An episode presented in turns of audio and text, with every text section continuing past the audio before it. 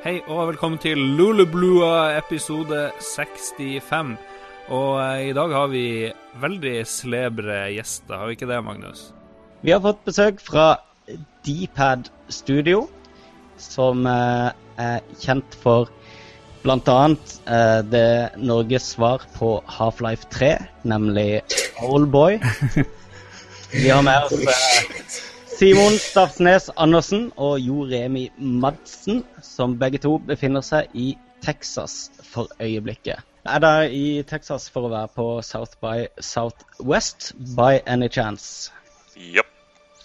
Så uh, faktisk kommer vi til å holde et ja, Hvor lenge var det vi fant ut det skulle være? da?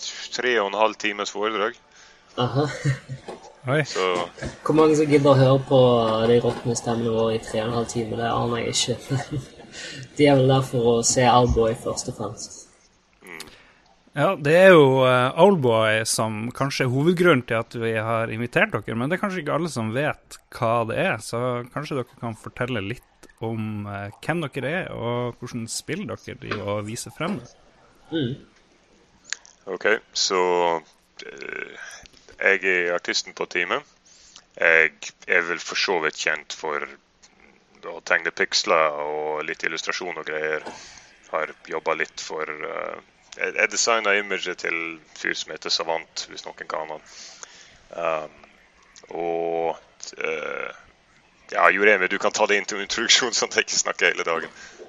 Ja, um, jeg er Remi, og jeg er en av programmørene på Deepest Studio. Ehm, og ehm, de som ikke er her nå, det er Henrik og Adrian og Jonathan, som er resten av teamet vårt. Så og ja.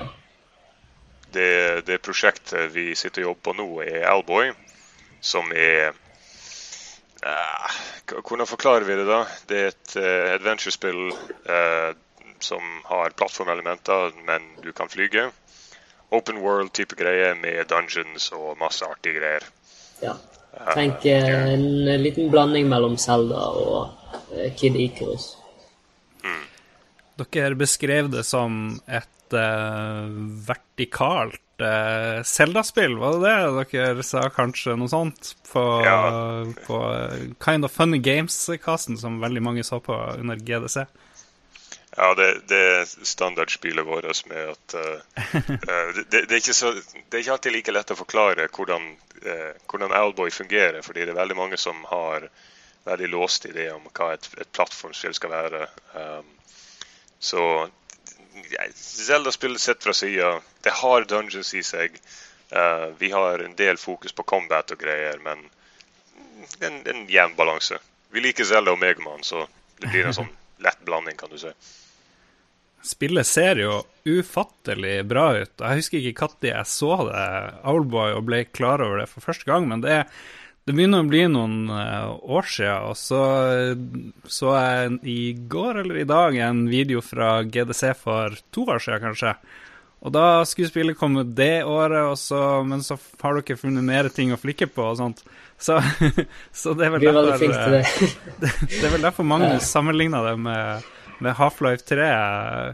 Vi, men jeg tenker, jeg syns ikke det gjør noe at det tar litt tid at uh, spillet kommer. Det, jeg syns det er flott å ha et norsk spill som jeg gleder meg kjempemye til. Men jeg er sikker på at det er noen som er uh, utålmodige. Får dere mye spørsmål om når spillet Når kommer spillet, liksom? Det, det er jo faktisk um, veldig mange som sier at det er positivt at vi bruker såpass lang tid, fordi at da de føler seg mer trygge på at de får et bedre spill av den grunn. Um, men så har du jo de som prøver å pushe oss til å få det ut og sånt òg. Um, vi prøver jo å møte, møte de midt på midten sånn egentlig. Um, nå skal vi jo Vi er jo òg i USA nå for å prøve å få ferdig spillet mens vi er her, så OK, kult. Så Ja, dere skal vi- bli lenge i USA, da, eller? Ja, vi skal være i tre måneder. Må bruke litt tid. Jeg skal gifte meg. Yay! Oi! Hei, gratulerer. ja. I Vegas, da. Oh, hell no. ja, nei, det, det blir eh, Det blir i Austin. Jeg tror ikke jeg tør å gå til Vegas. Nei, Austin er en uh, vakker by. Der har jeg også vært. Uh, og besøkt BioWare i sin tid.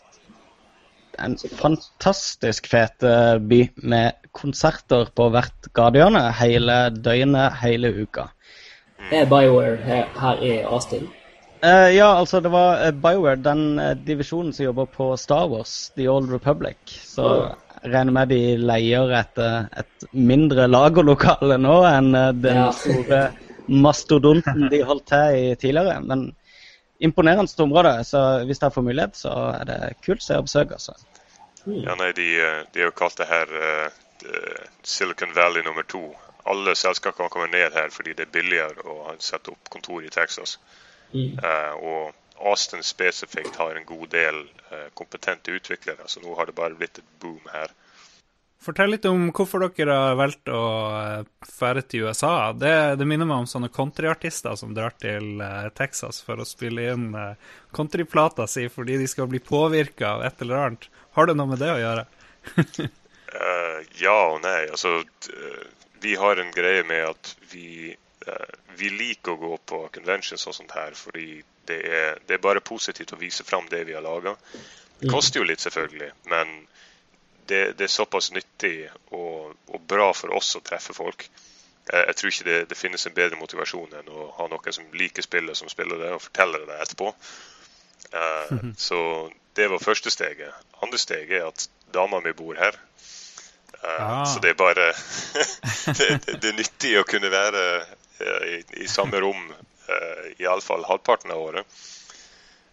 Og selvfølgelig, når du har sittet altså, Vi jobber på, på Askøy uh, i Bergen, som er Det er jo et stykke fra fastlandet, og vi er langt ute i Hutaheiti.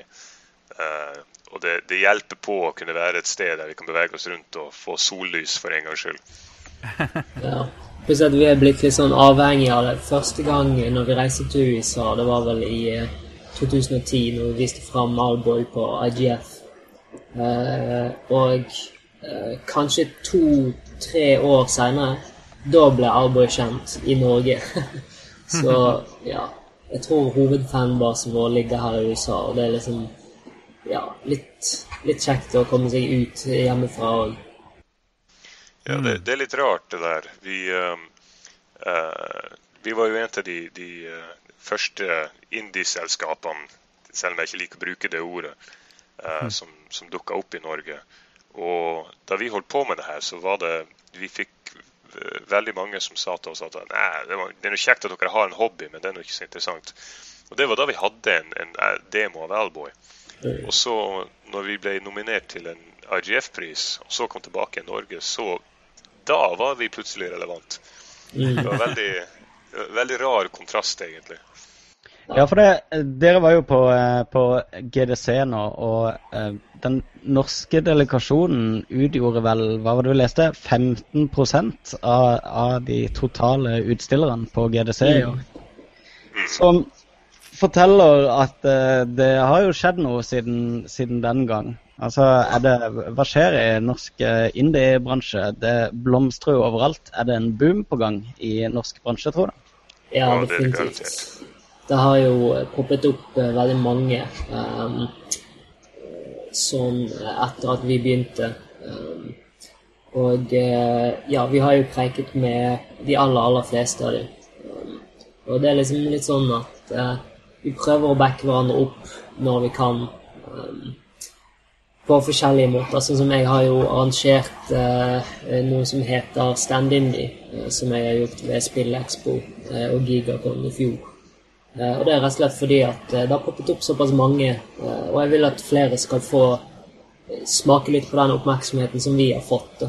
Um, så jeg syns det er veldig, veldig viktig at nå når det begynner å poppe opp, at folk faktisk får sjanse til å vise fram spillene sine. Men det er en Jeg tror en, en stor grunn til at norsk spill har vokst så mye som det har, er for så vidt to ting. Eller tre ting, kanskje. Det første var at vi hadde, vi hadde, et par selskaper som kunne vise at det kunne gjøres. Det var nå én ting. Um, så ble uh, statsstøtte tilgjengelig. Uh, vi hadde veldig mange selskaper som, som dukka opp og skulle tilby det, men det var først da Filmfondet kom inn og ga nesten ubetinga støtte at, uh, at selskapet begynte å vokse. Og så ble um, egenandelen for å starte et selskap satt ned fra 100 000 til 30 000, som er en, er en svær greie, fordi det er nesten ingen som har råd til det der. Um, mm. Så det er nå det. Men uh, det som er interessant å se nå, fordi du har noen som er i relativt stor vekst, og noen som er i eksplosiv vekst. Um, om, uh, på ett sett om de kommer til å vare når støtten forsvinner. Fordi vi kan ikke garantere at den holder på for all, i all evighet. Mm. Men også eh, om La oss si når de har, når de har vokst til en, en, en, passe størrelse, at de bare kommer til å forlate landet. For det, hvis du ser på mm. track recorden til Norge, så er det det som skjer. Det er, uh, Funcom er for det meste kanadisk nå. Um, de fleste store firmaer hyrer fra utlandet. Og uh, uh, de, de, store selskapene, la oss si f.eks. Uh, Playfish, som var uh, De er vel sammenlignbare med de her oh, Hva er det heter de som lagde Funrun? Dirty Bit. Dirty Bit, ja. De er vel kanskje litt de er vel kanskje litt sammenlignbare med Dirty Bit i det at de hadde en svær, eksplosiv vekst. Og eh, nå er eh, Jeg vet ikke om, om, Playfish er hovedsakelig norsk nå lenger. Det jeg faktisk ikke sett på det. Eh, det er vel uh, norske folk involvert i Playfish, men det regnes vel ikke som et norsk selskap uh, per i dag, så vidt jeg har skjønt. Mm. Så det, det, blir interessant å se om det kommer til å vare. Jeg er ganske negativ til sånt her, men jeg, har lyst til å være positivt overraska. Ja, eh, det, det, som vi òg har eh, sett, er jo det at nå har, nå har indiene i Norge fått baller nok til å komme til USA og vise fram spillene sine. Og Det er jo derfor det var så mange indier ved, uh, ved GDC i år.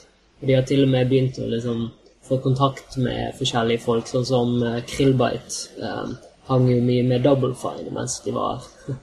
Dette hørte vi, hørte vi, rykter om her hjemme ja. i Norge. Det vakte en del eh, nysgjerrighet i Lolbua, må vi vel innrømme. Ja, Har dere hørt noe mer? Er, det, er, det, er dealen klar? Tja, det er, jeg vet ikke om det er blitt noe deal, men uh, Ole Andreas som leder Krillbite uh, møtte, møtte Tim Shafer i gangen og sa han holdt på å pisse på seg, så Snart så er det vel noen som pisser på seg når, når de møter Ole Andreas, kan jeg tippe meg. Så, uh, det begynner iallfall å vokse veldig, sånn sett. Ja, så, eh, det var jo flere norske spill som eh, ble eh, nevnt på årets GDC. Det var, det var dere, selvfølgelig. Og uh, det var jo Sarepta ble jo, fikk jo en del oppmerksomhet, gjorde de ikke det? Rundt Shadow Puppeteer og Jo. De vant jo en del priser, så og Among the Sleep, selvfølgelig, er jo et hot topic. Det så vi jo også ja. på spillprisen nå for ikke så lenge siden. Et annet spill var Shiftlings, som eh, ble vel akkurat lansert mens, mens de holdt på å stille ut. Av Sierra, ja. som er ganske kult i seg sjøl. Men uh, GDC det er jo utafor San Francisco, det er ikke i selve San Francisco, er det det? Jo da, det er midt det er det. i sentrum. Ok, ja, Da jeg var der i, på midten av 2000-tallet, så var det en by like ved siden av som jeg ikke Jeg hører at uh, jeg, jeg, jeg, tror det startet i en kjeller et eller annet ja. sted. Sånn som mange ting uh, starter.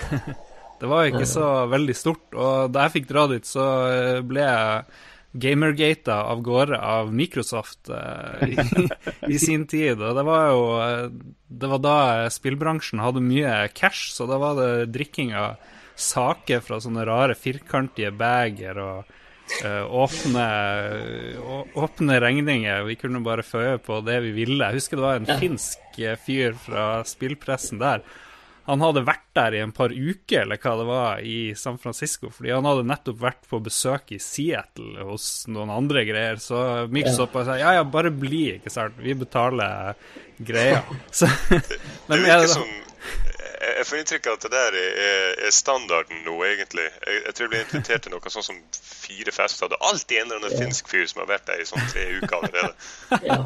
ja. det er kanskje litt sånn fremdeles for de finske, men for oss norske så er det litt sånn over og ut nå på mange, av mange grunner av de, de turene der, da. Men var det, hvordan var det for dere å være i, i San Francisco på der greia? Var det mye sus, sus og dus, eller hvordan var det? Første gangen var vel mer sus og dus. Um, fordi da var vi på IGF, og uh, ja Hun ble jo egentlig knust av hvor mange folk som uh, skulle spille spillet. Uh, og det var veldig mange folk i år òg, men vi har lært fra våre feil. og denne gangen fikk vi med oss seks personer som hjalp oss med å stille ut. Første gangen så var vi vel to. Oh, ja. uh, så Det var billig å reise, da, vet du. ja. Nå har vi vi, er, vi, er mer villige til å investere i helsen vår enn, uh, enn, enn økonomien. Ja.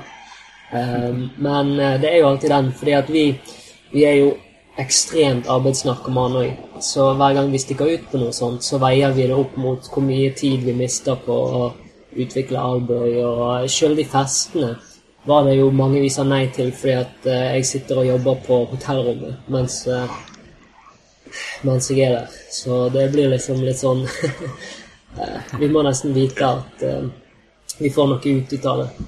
Meg og Jon Cato vi dukker jo, som dere vet, opp på Klekken hvert år mm. med quizen vår.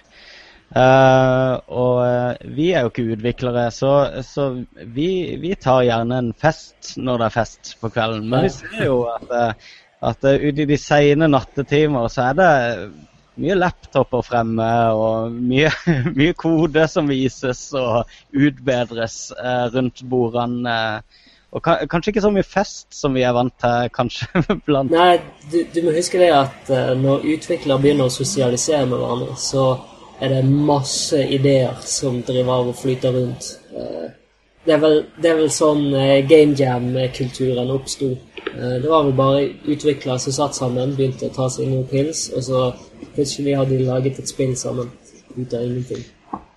Det, det er litt ironisk det du sier om, om å, at vi ikke fester, fordi du nevnte at Krillba traff Tim Shafer og alt det her. Jeg var invitert til en fest som jeg er invitert til hvert år denne gangen.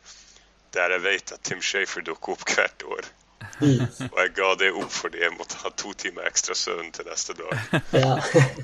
Så du, du, ligger litt på det nivået av og til. Men åssen uh, er sjansen på sånne fester som det er for å komme i kontakt med sånn som Tim Schaefer, Jeg skjønner Han er jo et, et ynda mål for mange aspirerende uh, spillutviklere, vil jeg tro. Er det, er det, mulig å komme i kontakt med disse, er det, eller er de liksom omsverma sånn her uh, entourage? Ja, ja, det er for så vidt det. Altså, uh, de festene jeg har vært på så Jeg har jo snakka med mange av de her Hva skal jeg si standard indian. Du har Ron Carmel, og så har du uh, nå, nå, husker jeg jo ikke alle sammen. Um, Helsike. Nå, nå har du muligheten til hele skrytelista di på lufta, men. I alle fall. Jeg har, jeg har, truffet en god del av de her folkene. Men det, det er noe med at uh, du vil ikke være drittsekk. Du har ikke lyst til å henge deg på de og drive spørre de alle spørsmålene. Um, så for det meste så blir det at du treffer på en, uh, de som er litt mer i bakgrunnen. Uh, og det ender faktisk opp med å være ganske interessant. Jeg husker jeg hadde en lang diskusjon med uh, folk som jobba på Double Fine under Shafer. Og det, dette var akkurat da Broken Age hadde blitt annonsert. Ja. Og de hadde mye interessant å si om arbeidsprosessen deres. Mm. Så jeg, har en følelse av at uh, det er én ting at du, du får treffe liksom, de du har hørt mye om, men uh, når du da får en, en litt uh, annen innsikt i hvordan de jobber, jeg føler at det, det der Det er det du sitter igjen med etterpå. Og han Du, du møter jo ikke folk kun på festene. Altså på, på Game Developers Conference er det jo veldig mange utviklere som faktisk går rundt omkring òg. Um, Blant annet så gikk vel eh, Warren Spector eh, forbi boden vår på et eller annet tidspunkt. I tillegg så satt uh, Mojang seg ned og prøvde Arboy. Og han ene på Mojang der, han, han hadde så mye å si om spillet at jeg tror han satt der i kanskje to timer. Og jeg skrev ned uh, nesten alt han sa, så det må han faktisk blitt ganske mye annerledes enn han var for en uke siden og vi viste ham fram. Så nå er det slutt på denne pixelarten, og nå er det mer store firkanter som er greia i den visuelle utforminga av Owlboy fremover? Nei, heldigvis ikke. Å, herlighet, nei. Nei, nei. Men eh, når dere er der, så er det jo kanskje noen som henvender seg og sier at kanskje vi har lyst til å gi ut det dette spillet. Har dere bestemt hvem som skal gjøre det, eller skal dere gjøre det sjøl? Vi, vi skal gjøre det sjøl. Ja. Uh, det er veldig mange som har tatt kontakt, uh, og det begynte de å gjøre etter IGF. Um, men vi har bestemt oss for å gjøre det helt mutters-putters alene. Det gikk fint med Savanta Sendt, uh, og vi føler liksom at da, da, har vi mye bedre kontroll over det vi faktisk gjør. Sånn som vi, vi lanserte Samantha Sendt i Japan med en utgiver. og vi har ikke peiling på hvordan det går. vi har ingen peiling om vi har faktisk fans i Japan, og vi har ingen kontakt med liksom Alt går gjennom de uh, utgiverne. Da. Og da føler jeg at det blir altfor lite personlig. Ja. Det, det, som er litt interessant med, med, sånn som ting fungerer nå, er at uh, det er såpass mange spill som blir gitt ut at publishere har egentlig veldig liten obligasjon til å følge opp på ting. Uh, hvis du La oss si at du, du gir de app-spillet ditt eller noe lite som du har produsert, uh, og de begynner å selge det, og de gir deg oppfølging, så er ikke det noe sånn stort problem for dem, fordi de har 30 andre spill de kan velge mellom etterpå. Uh, så det, det begynte å bli litt risikosport med publishere nå. Um, og for den del så er det veldig mye som du kan gjøre på egen hånd. Uh, det er blitt lettere å promotere vanligvis så er fanbasen ganske oppegående og følger med på det du gjør. Mm. Uh, det som er penaltyen, er at du må gjøre ekstremt mye markedsføring alene. Uh, det har vi rett og slett ikke tid til, så det er vel det vi må investere mest i, tror jeg. Altså, distribusjon og markedsføring er vel de kanalene som, som uh, er lettest i hvert fall å, å leie inn hjelp på, er det ikke det? Eller å, å få en avtale på? Eller, eller, eller, blir det sånn 100% digital distribusjon der stiller deg på, sånn at uh, der basically bare legger opp ei fil på en server og setter deg tilbake i stolen? Og...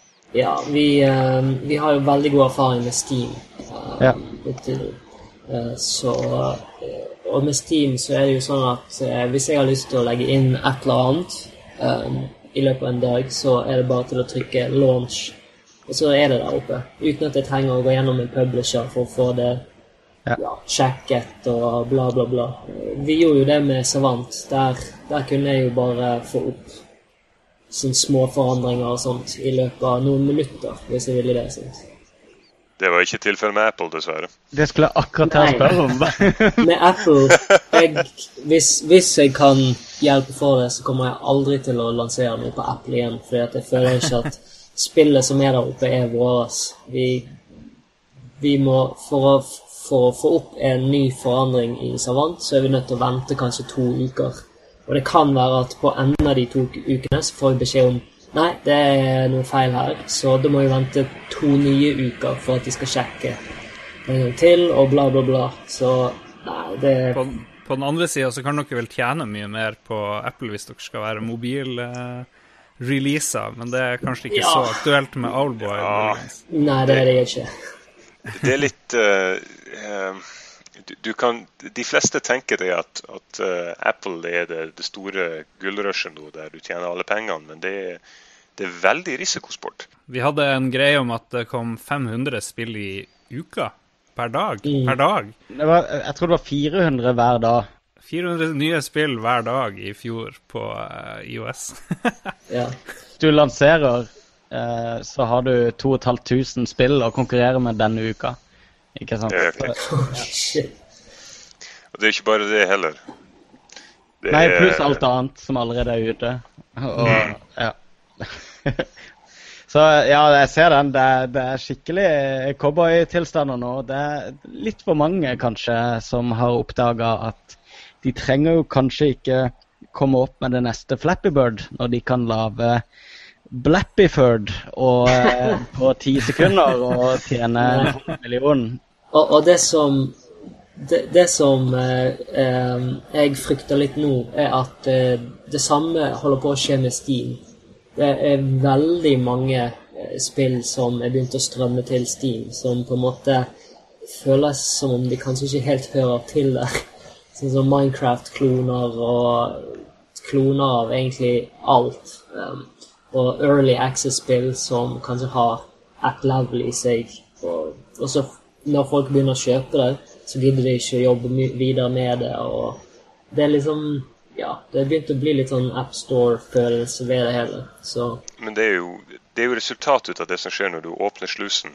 Altså, eh, hvis, du, eh, hvis du åpner opp eh, en, en plattform for folk som ikke er profesjonelle, selvfølgelig så, så ønsker altså, Du kan ikke forvente at alle sammen er like gode til spilldesign, men eh, hvis du gir dem tilbud om å ta en, en slant for det, så selvfølgelig gjør de det.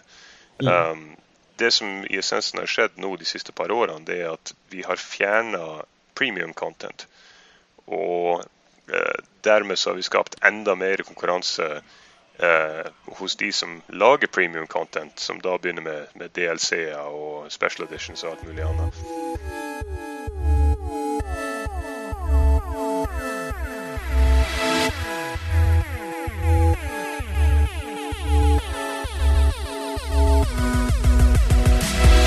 うん。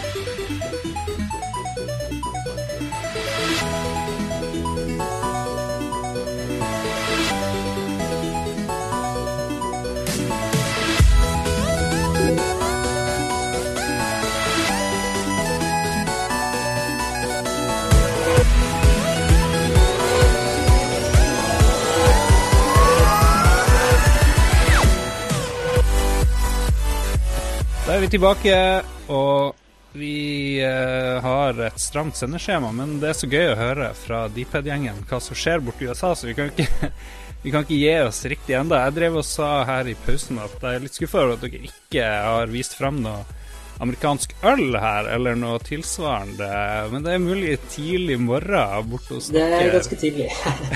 jeg eh, drakk rødvin i går eh, mens vi spilte Mother 3. Eh, og det er sånn at du får tak i det på supermarkedet til 30 kroner. Så da, og jeg bor rett ved siden av supermarkedet, så det er litt farlig å bo her, føler jeg. For det er en del amerikansk øl. Ja, det er ikke helt top notch. Jeg, drikker, jeg sitter med Pabst Blue Ribbon her, bare på gøy, egentlig. Såpass? Eh, Ja, ja. Til ære for uh, Dpad Crew. Har dere, eh, har dere justert eh, fra norsk tid til amerikansk tid nå, da, eller? Det gjorde jeg allerede før vi dro. Ja, det gikk eh, ganske bra, heldigvis. Har, Simen pleier jo å være på amerikansk tid sjøl når vi er i Norge, så Vi så jo dere var på uh, det her Kind of Funny Games, og Greg Miller sin nye greie, og Colin Moriarty. Var det veldig likt å være der som det var å være på Lolbø? Bortsett fra legen, kanskje. Yeah. Ja, nei, de var gyselig kjekke. Men nå skal dere videre på South by Southwest. Eh, Det er vel nå til helga, kanskje? Det er da det braker løs? Ja, på søndag så skal vi vise fram eh, albumet der, samtidig som vi skal ha en presentasjon om eh, 2D game design. Men dere skal altså snakke i eh, hva sa du, tre og en halv time om spillet fra scenen? Ja. Det, det, det høres mye ut, men uh, det her er det jeg liker best. Eh, bortsett fra å tegne greier, så er det å høre foredrag jeg, Å, jeg elsker det. Gjøre Q&A så folk som stiller meg dumme spørsmål. Det, å, jeg elsker det. Hvor mye av tre og en halv time Q&A, da? Ja vi, OK, du skal ikke si at det ikke kommer til å skje.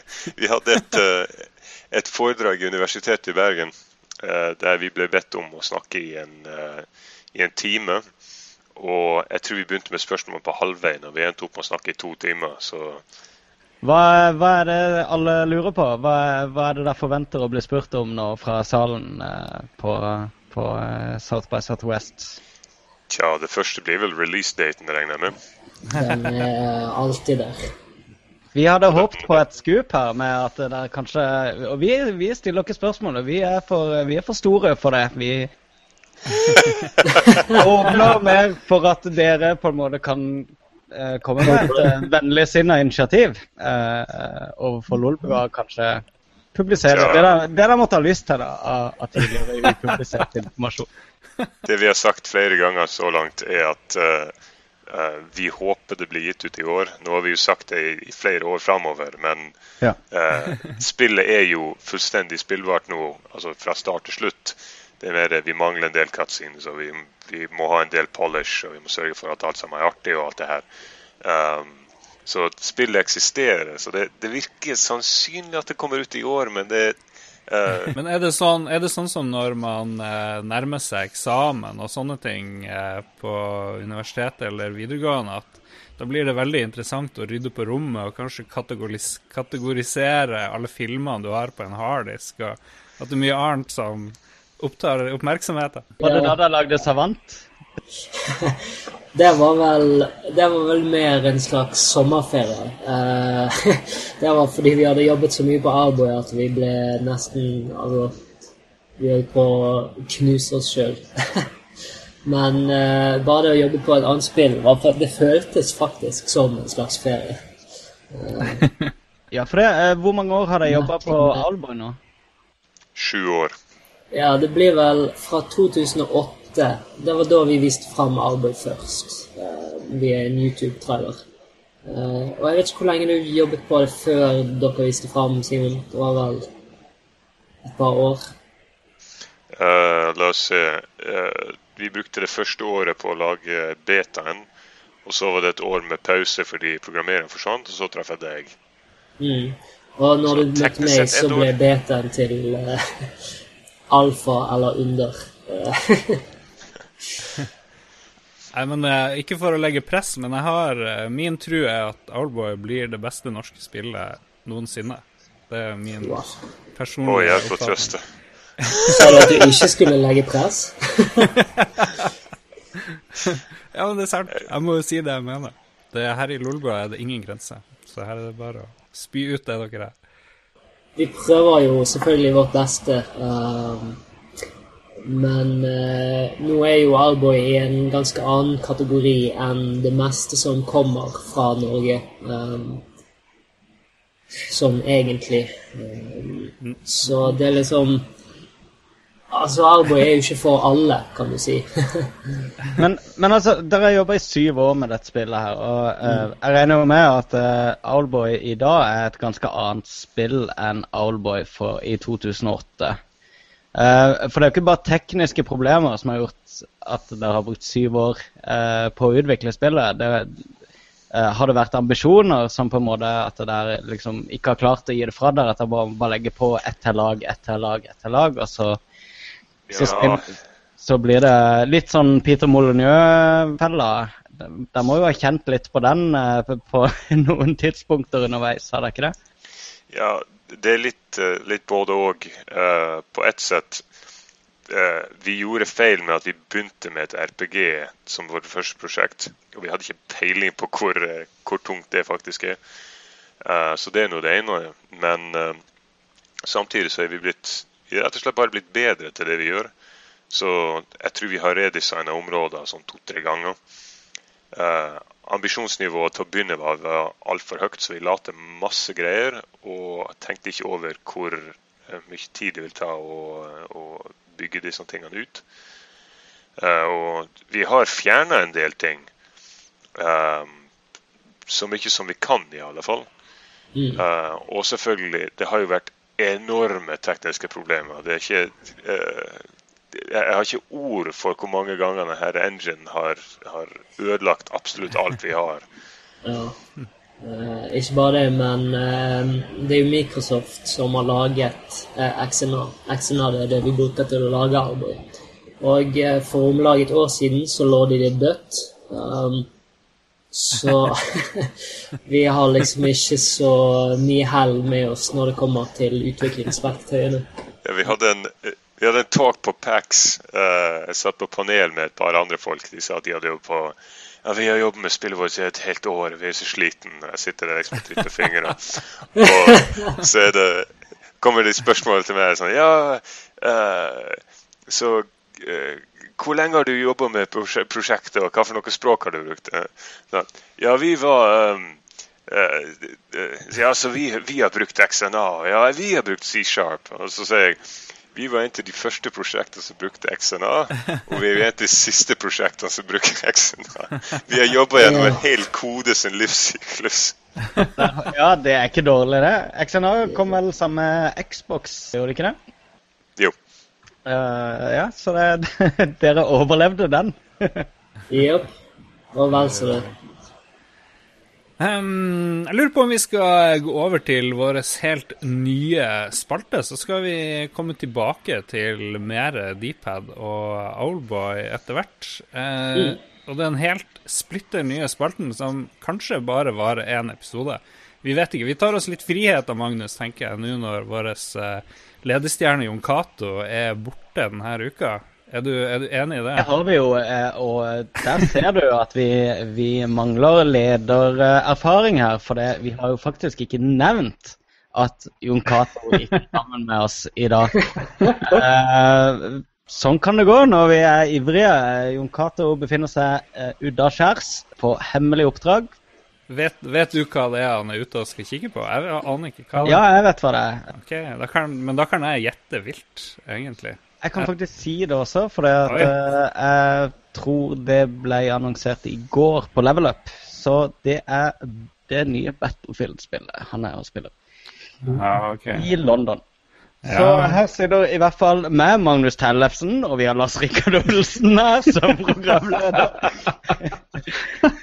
vi var, altså, jeg syns jo det er mye gøyere med sånn train of thought-greie som vi gjør, eh, Lars. Men ja. vi bare begynner å snakke, og så slutter vi aldri. Uh, ja.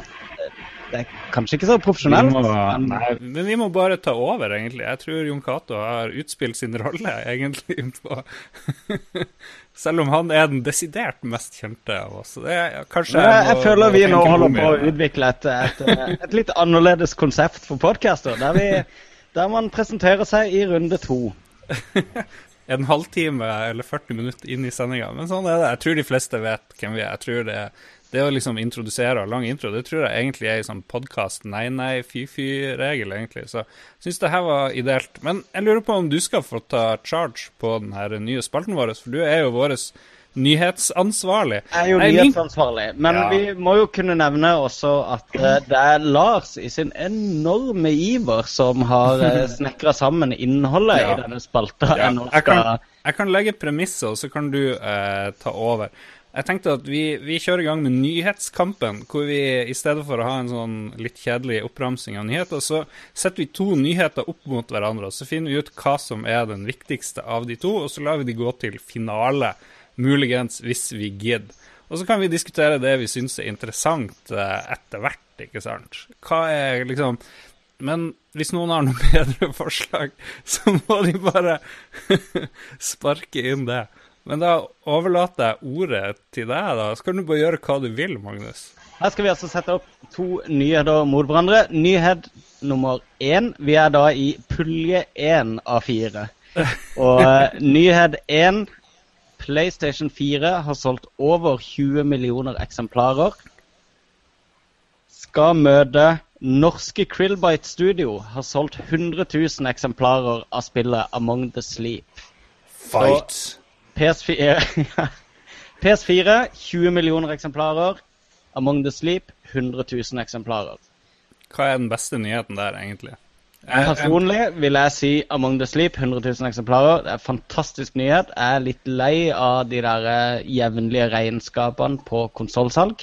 Eh, jeg vet at de selger i millioner, og det begynner veldig snart å bli kjedelig å bli til stadighet oppdatert på det salget. Men det er dritgøy å se at Among the Sleep har eh, suksess. Eh, vi har jo alle spilt spillet, og det er et ypperlig eksempel på god historiefortelling i eh, et norsk spill. Ok, Da har du liksom som dommer allerede lagt premissene der, men vi kan jo høre fra USA. Det er min dom. Vi må høre om USA-panelet er enig. Eh, ja, absolutt. Um, det, for oss så er det jo òg eh, interessant bare det at det er snakk om norsk spillindustri, kan du si. Så Jeg husker eh, det, det første Monkey Island solgte 100 000. Og det var regna som en gedigen suksess hos uh, Lucas Film Games på den tida. Jo, men du må også huske at det er uh, Markedet nå er veldig annerledes. Uh, på den tida så hadde du mye færre kunder. Så jeg, jeg kan se for meg at hvis du selger 100 000 nå, så er det, det er realistisk i alle fall. Vi kan jo spørre om, eh, om Dpad Studio ville være fornøyd med 100 000 solgt av Owlboy. Jeg tror de kommer til å selge mye mer av det, er mitt tips. eh, jeg ville vært veldig fornøyd. altså, vi prøver å bli ferdig med Owlboy nå, sånn at vi kan fortsette å jobbe med andre spill. sånn egentlig. Jeg har tenkt veldig lite på salgstall, men ut ifra suksessen vi har hatt med Savant, så vet vi sånn cirka hvordan markedet er for eh, spill som vi lager. Vi har jo solgt eh, Nå blir det vel 400 000 kopier av Savant eh, over alle plattformer. Og det har jo det har jo vist oss at folk faktisk er interessert i å kjøpe spill. Og, Riktignok Savant har en mye mindre terskel enn en Agde Sleep. Det er ja, og det har, det har nok Alboy òg. Er det Savant som holder dere i gang nå? Ja, på, på et vis. Uh, vi har sånn delvis tenkt med oss sjøl at vi har ikke lyst til å søke mer statsstøtte, rett og slett fordi vi tenker at de pengene burde gå til noen som trenger det. Uh, så vi har Ja, vi har eh, Vi har livnært oss på, på Savant så langt. Og hvis vi trenger mer støtte etterpå, så kan vi eventuelt gjøre det, men jeg tror vi klarer oss. Ja. Bra. Skal vi ta neste, neste heat? Ja, da skal du få lov til å representere Lolbuas eh, offisielle syn, Lars, eh, før vi sender det over til Amerika. Pulje to. Eh, nyhet nummer én. Elite Dangerous kommer til Xbox One, og kanskje, mest sannsynlig, til PS4 etter hvert. Og den andre nyheten. Owlboy kommer kanskje i 2015. Woohoo! i 2015. Nå er Det er ikke noe tvil. Vi, eh, vi, vi går for den. Uh, absolutt. Og eh, ja, jeg tenker litt sånn balltre og sånne ting, siden jeg plutselig ble veldig engasjert her. Eh, ligger og lurer. Jeg vet ikke hvor mye det koster for sånne torpedoer, egentlig. Men jeg ser for meg at man kan få en ganske billig en, i hvert fall borte i USA. Jeg Ja. tror det koster lite. Faktisk så fungerer vel Simon strengt tatt som torpedo på teamet vårt allerede. Han truet, oss med, eh, truet med å drepe oss i 2014 hvis ikke vi fikk det ut da. uh, så hvorfor jeg fortsatt er i live, det er jeg ikke helt sikker på. Men eh, I'm gracious. yeah, a gracious leader. Uh, vi kommer uansett til å eh, Altså, jeg mener jo at spillet blir ferdig ganske snart. Um, men det eh, Ja, det har litt uh, å si når vi faktisk burde lansere. For at selv om vi blir ferdig med spillet nå, så er det jo veldig lurt av oss, siden vi har brukt såpass lang tid på Alboy, at vi prøver å lansere det på en dato som er greit for alle sammen. Så uh, første jul, da. Nei, absolutt ikke. Får dere forresten tid til å spille noe annet? Eh, Ja, det gjør dere jo, det vet vi. Glem, glem spørsmålet. Det skal vi snakke om senere. Ja, vi Ja. tar neste Jeg, jeg bare overkjører alle og sier at Oldboy kommer kanskje 2015, er vinneren av den runden der. Yes. Og da var det vi over i pulje nummer tre. Rockband 4 kommer til PS4 og Xbox One. Og nyhet nummer to her er altså slippet av Uncharted 4 er utsatt til 2016. Hmm.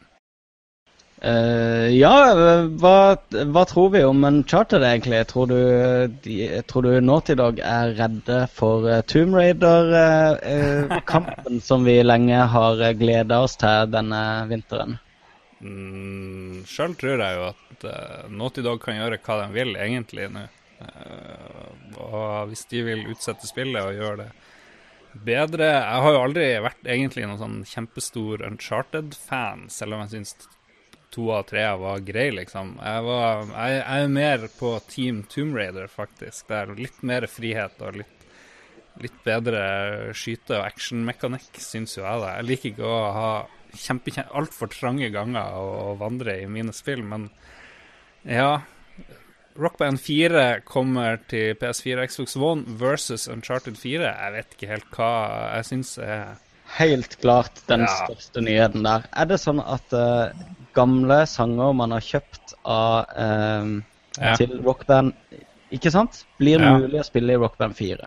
Du har en par tusen sanger å velge mellom hvis du har kjøpt eh, Ikke sant. Så da er det bare å parkere Xbox 360-en og PlayStation 3-en for godt for oss som har neste generasjon. For det er nå kan alt som er relevant på forrige generasjon, flyttes til neste. Da må vi spørre hvilken nyhet beveger uh, våre venner i USA mest her.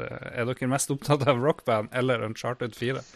For å være helt ærlig, uh, jeg har ikke spilt Uncharted noen ut av dem. Uh, wow. serien interesserer meg ikke så veldig. Så, og rockband Uh, Jeg spilte Guitar Hero for noen år tilbake, og det er et artig partyspill, men jeg, jeg er ikke interessert i noen av det, så for meg så er det. Eh, Don't care! Vi må få dommen fra Joremi òg. Ja. Ja, vi uh, har jo eh, heller ikke spilt um, Uncharted hjemme hos meg. Det er jo fordi jeg ikke har råd til PlayStation sånn, egentlig. Eh, jeg er en Xbox-fyr. Iallfall har jeg vært det opp til Xbox One. Um, men uh, rockband har vi spilt. Uh, jeg tror jeg satt Simon på trommer uh, når vi spilte det i stuen vår. Å ja, ja, vi hadde jo Vi hadde Alex på tromme og meg på bass og det på gitar, hadde vi ikke det? Ja. Savant, da. Ja. Eh, som eh, var veldig gøy. Men eh, vi har jo ingen som egentlig har baller nok til å synge. Så bandet vårt var ikke helt komplett. What? Det er et problem i spillet der å få tak i vokalist. Det er en gjenganger ja. hos mine venner også.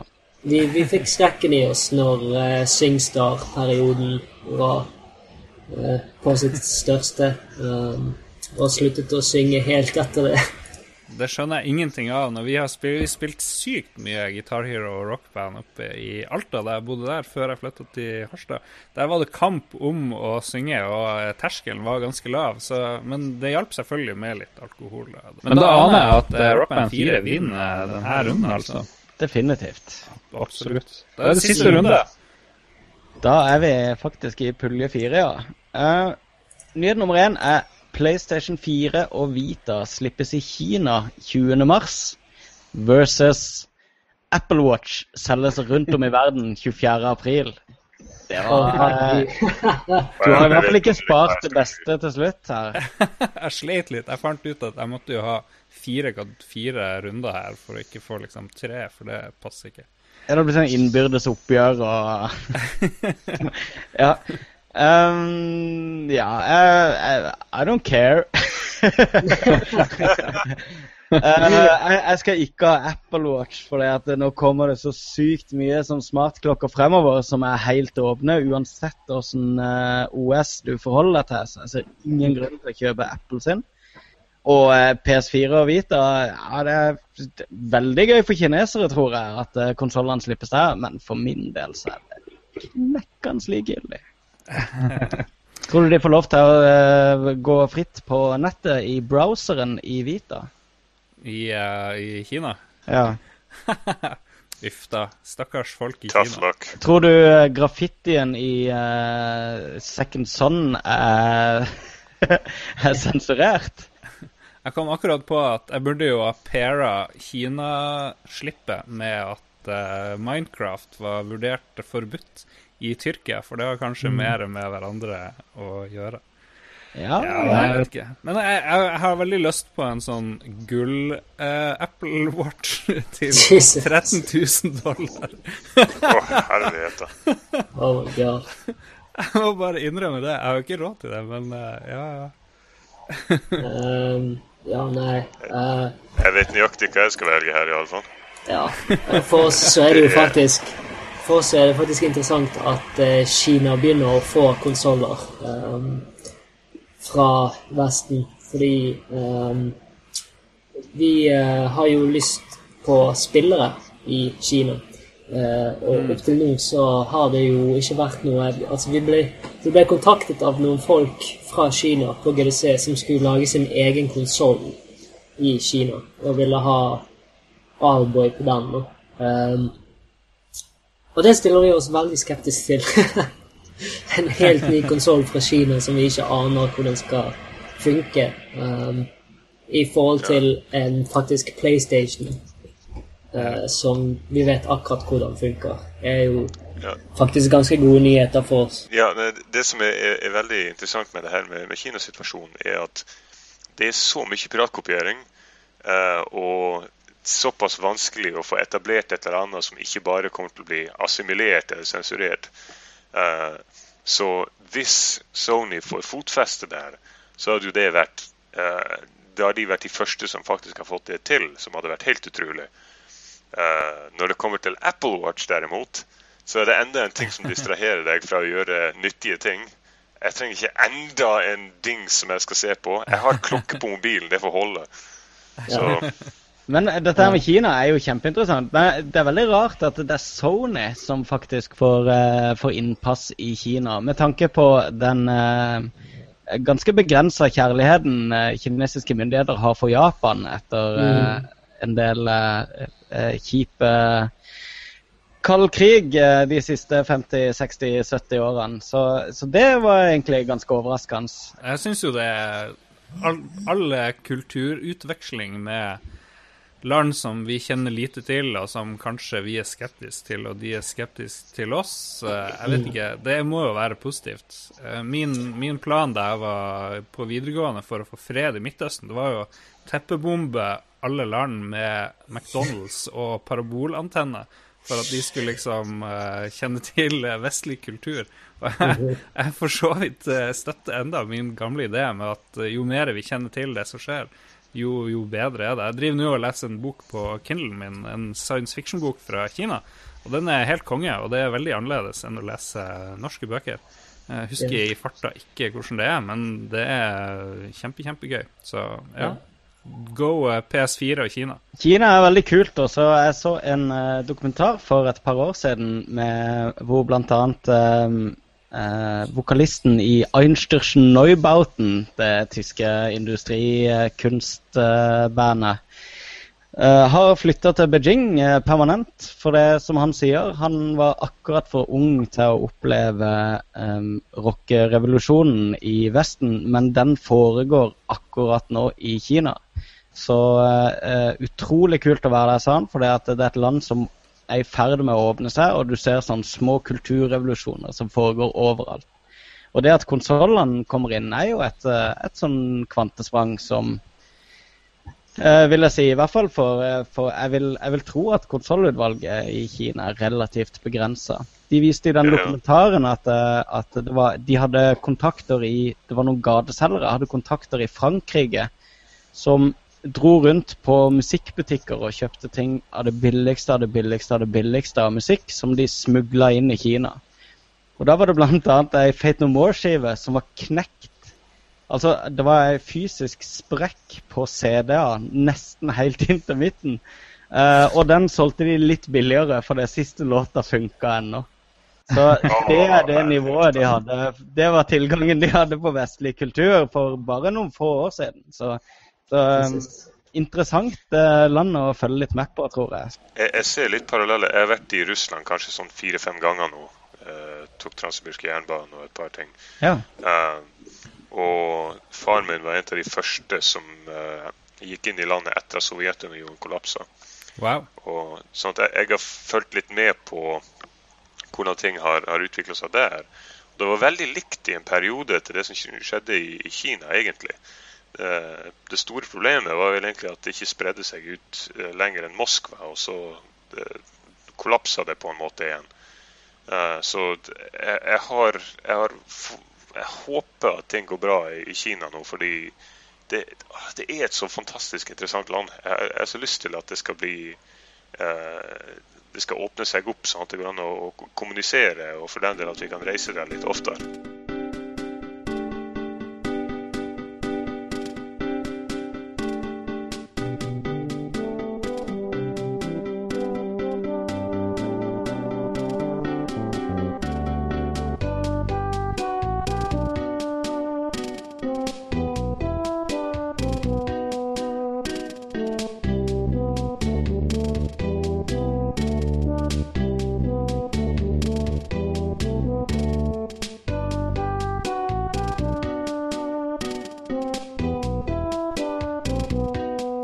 Tilbake, og vi skal snakke om ting vi har spilt i det siste. Og jeg er jo mest interessert i å høre hva våre eh, friends over there har spilt, men jeg og du, Magnus, har også prøvd oss på, på digital underholdning i det siste. Men vi kan jo, eh, vanligvis så er det jo oss sjøl, vi er jo veldig interessert i hva vi sjøl holder på med. Men vi kan jo begynne med våre gjester denne gangen. Jeg vet ikke om Juremi eller Simon har lyst til å begynne å snakke.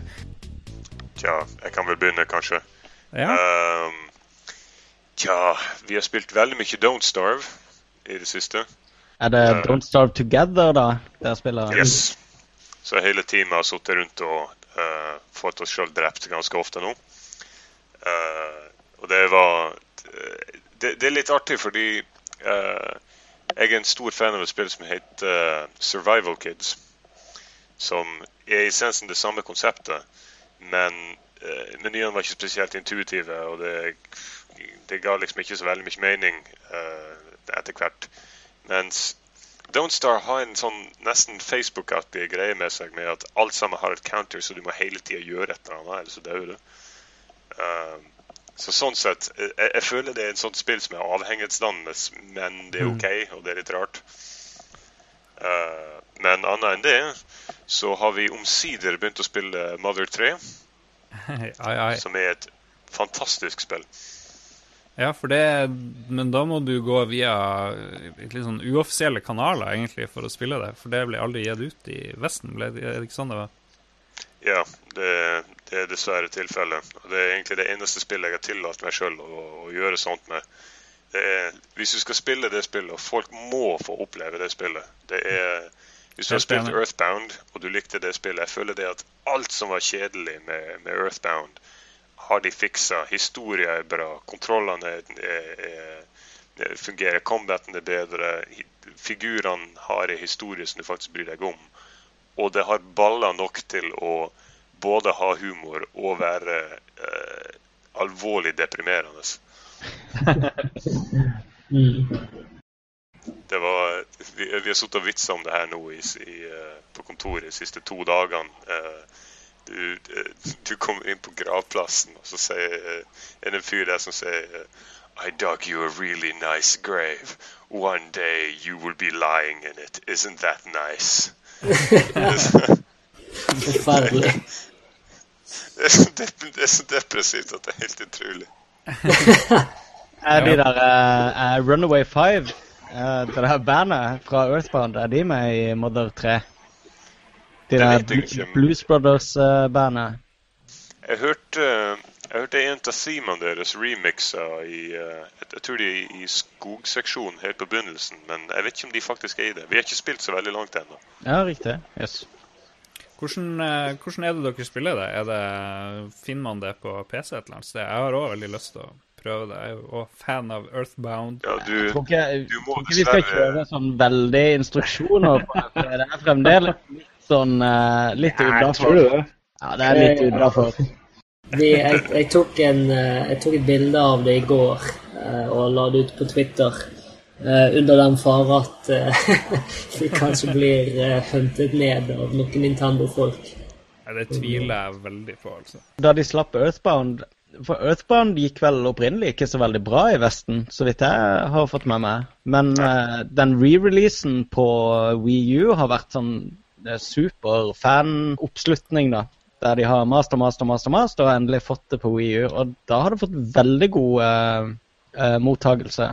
Og jeg, som jeg sa innledningsvis, det var første gang jeg spilte Earthbound, og det var et fantastisk spill. Men, ja, men, men det innebærer jo da å oversette det Det trengte de jo ikke gjøre sist. Men vi blir jo å kjøpe det hvis det kommer ut. Eh, ja, det, det, er det jeg skulle si. Hvis de bare gjør det tilgjengelig. Jeg vil, jeg vil bare kaste penger på dem. Lag flere ut av de der. Uh, men nå kommer jo uh, Nå er det jo det her fanspillet Mother 4 som er på vei. Som jeg inderlig håper at de ikke kommer til å stenge ned, fordi det virker så bra. De er jo på de fem år. Herlighet. Ja. det, de gjør, det de gjør der, det er vel å bytte navn på det, tenker jeg. Rebrande det hvis de blir får noe beskjed fra Nintendo, tipper Det blir nok det. Det blir Fader 4, tenker jeg. Veldig raskt. Um, tenk at ingen har tenkt på det. uh, Joremi, hva er det du uh, har lyst til å nevne av ting du har fått spilt i det siste? Uh, jeg har spilt en del uh, Majoras Mask og Monster Hunter 4. Nå når jeg reiser, så har jeg en god grunn til å ta opp 3DS-en min igjen fra skapet. Har du new, new 3DS, da? Nei, så mye har ikke investert i det. jeg klarer meg helt fint med old 3DS.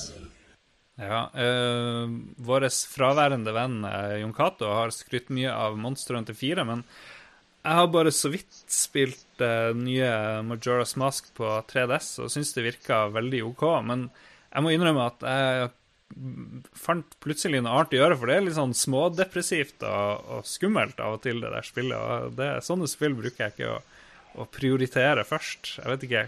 Lars, du er ei pyse. Eh, og det er greit, vi er jo enige om det om at skumle spill er, er, er skummelt og ubehagelig. Men Major, er det et Zelda-spill som er for skummelt for deg? Har Nintendo lagd det? Et skummelt spill til deg? Kanskje. Jeg, får litt sånn den der, um, den der uh, hvis dere så Mummitrollet. Jeg antar at dere gjorde det. Um, ja, ja. Rufsa-feelingen um, når jeg ser på den månen. Jeg, jeg spilte Major Mask da jeg var liten og fikk ikke sove i en uke. Så det er faktisk Månen i Majors Mask er nasty. Jeg, jeg skjønner hva de tenkte. det er så flott, da. Altså, at de, de torde å gjøre noe sånt. Ja, ja. Det er vel, eh, det er vel faktisk òg eh, favorittspillet til Simon. Eller iallfall ja. ett av de. Eh, du har vel Du er vel en enklopedi på alt av både Zelda og Megamann. Jeg, jeg tror jeg kan svare hvilken som helst trivia på den der, ja. Jeg tror jeg har spilt Majora's Mask i to timer. Tre timer. Uh, spill som går på tid, byr meg imot i utgangspunktet. Men jeg ble sittende på Twitch litt nå med re-releasen og satt og så på en som satt og spilte 3DS-versjonen. Og uh, jeg må innrømme at, uh, at jeg ble litt uh, interessert. Jeg ble sittende Altså, jeg satt to timer på Twitch og så noen spille 3DS, og det i seg sjøl syns jeg er en, en bragd. jeg har også sittet mange timer og sett på Don't Starve, så det er sagt. Det er enormt hypnotiserende å se på det som er farlig for oss, den største feilen, er jo det at uh, når vi sitter og spiller spill, så sitter vi hele tiden og kritiserer det og kommer opp mm. med ting som vi har lyst til å forbedre med det. Og vi sitter og tenker nå hadde dette vært vårt spill, så hadde vi fikset det og det og det. Uh, og det, det, har til slutt endt opp med at vi faktisk har en del ideer som vi har lyst til å jobbe med.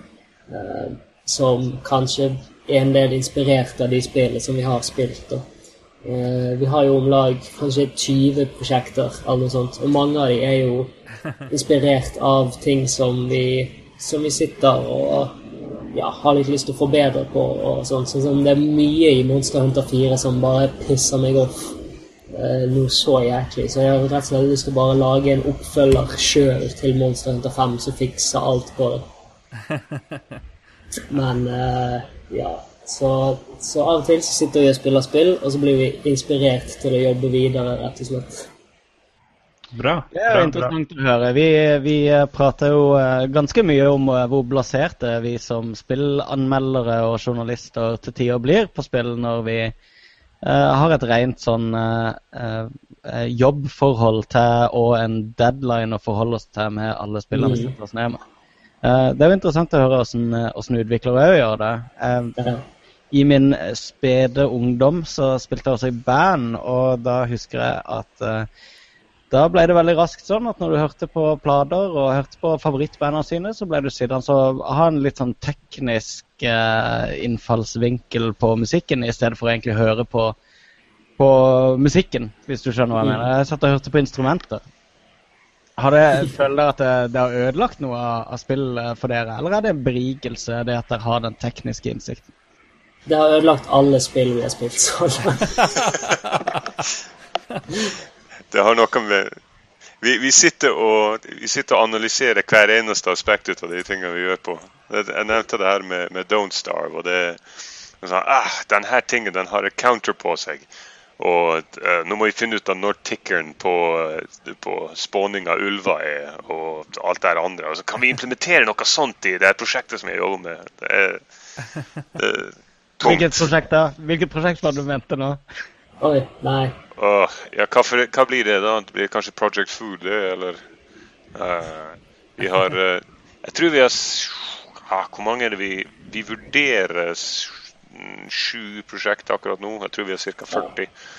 Vi har, jo, eh, vi har, jo, allerede annonsert noe som heter Vikings on Trampolines, som er et som kommer til å mest sannsynlig være et like lite spill som Savanta Cent, kan du si.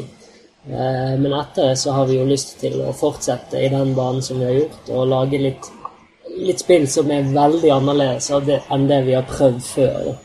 Um, du nevnte jo, eh, du nevnte jo Peter Molyneux tidligere i sendingen.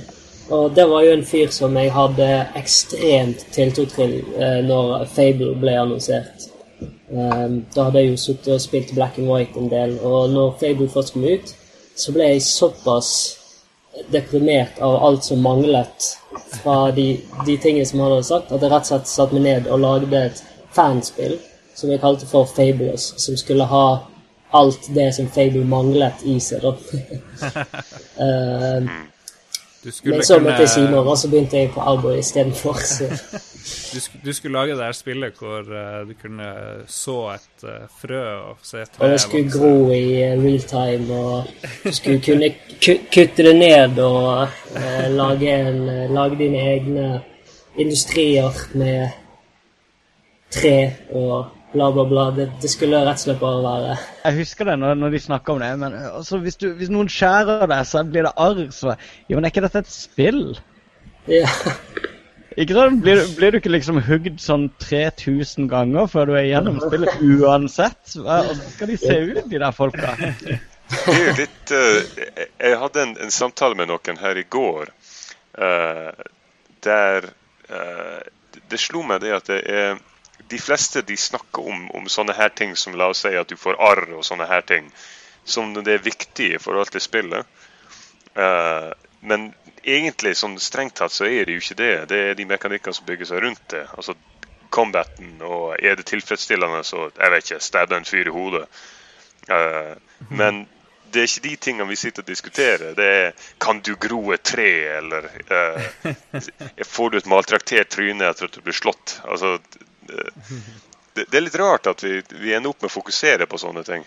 Ja, men det er fordi det blir sånn kjappe sånn soundbites på hvis du skal snakke om spillet. Så, så kan du si liksom Ja, dritkult, nytt spill, og hvis du blir kutta i trynet, så får du arr. Ikke sant? Det er liksom Det er noe nytt, og Men selvfølgelig, når du setter deg ned med spillet, så er det ikke sånn her at du hvert femte minutt snur kameraet og ser om har jeg fått noen nye arr.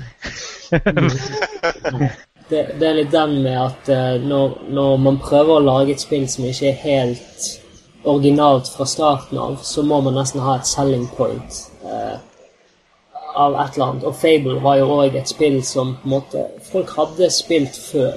Det var bare solgt på en veldig god måte. Det var dette med moralske valg, da, som, de, som jeg syns de kjørte ganske hardt på i, i, det første Fable. Såpass hardt at jeg egentlig ikke likte det så godt, fordi det var altfor mm. lett å med en feiltagelse drepe folk du ikke hadde tenkt å gjøre eller skade osv. Ja, og så var det så tydelig. Altså, det var så tydelige valg eh, at du Det var liksom som å Like stort valg som å ha en av- og påbryter, på en måte. Men det var som de gamle, de gamle rollespillbøkene og sånne ting òg. Da var det jo alltid tre, tre svar-alternativer mm. der det er liksom en helgen er et rasshøl og er, er liksom ute etter informasjon, eller veldig nøytralt. Det som er litt uh, vi, vi, har hatt lange diskusjoner med her. Jeg skal ikke si hva vi konkluderte med, men uh, det som det som er interessant når du kommer med moralske valg i spill, er at de er egentlig ikke moralske valg. det du i essensen velger, det er hvilken power-up du vil ha. Og eh, når, du, når, du, gjør faktiske moralske valg, det er når du har eh, valget mellom to ting du bryr deg om. Og det er veldig vanskelig å få spillere til å bry seg om ting, fordi vi er vant til å kunne jeg vet ikke, knivstikke ting og eh, sprenge opp bygning og kjøre pilene i ansiktet på folk og sånne ting. Eh, så jeg mener, selv i, i, Fable 2, der man hadde den der hunden det, Man bryr seg litt om hunden, men man må etablere det ganske heftig. Uh, Bioshock også, der hadde du de jentene som du kunne velge å ofre eller ikke ofre. Men det som skjer når du ofrer dem, det er at de på en måte bare dissolver, og så får du en power-up. Jeg mm. føler ikke at det var et moralsk valg. Det var uh, det er interessant at du sier det, for det, uh, man blir jo uh, satt foran eller mer eller mindre moralske valg, men i en rolle som en psykopat. da. For det at uh, alle, du møter på, alle du møter på, er jo midler til et eller annet mål. Er, ikke sant? Så derfor så tenker du OK, jeg står foran to valg. Hva vil gi meg beste, det beste utfallet som jeg trenger videre i spillet her nå? Hvis jeg er kul mot folk i spillet, så er det fordi jeg vil helst ha så mange missions som mulig. Jeg vil helst ikke miste denne oppdragsgiveren. Derfor er jeg kul mot ham, f.eks. Men samtidig, det, det, finnes karakterer i spill som han, man har klart å etablere et, et, forhold til som man bryr seg om. Uh, nå husker jeg ikke hvilken karakter som jeg pleier å bruke som et eksempel, men jeg, jeg vet det eksisterer figurer som jeg hadde, jeg hadde ofra karakteren min for at de skulle leve. Uh, og sånne ting tar tid, og det er gysla vanskelig. Uh, det, det, er derfor jeg har litt sånn uh, jeg, jeg, får litt flatt når jeg, fnatt når jeg leser om sånne her moralske valg. Folk sier at ah, vi skal ha et moralsystem. Du lager ikke et moralsystem.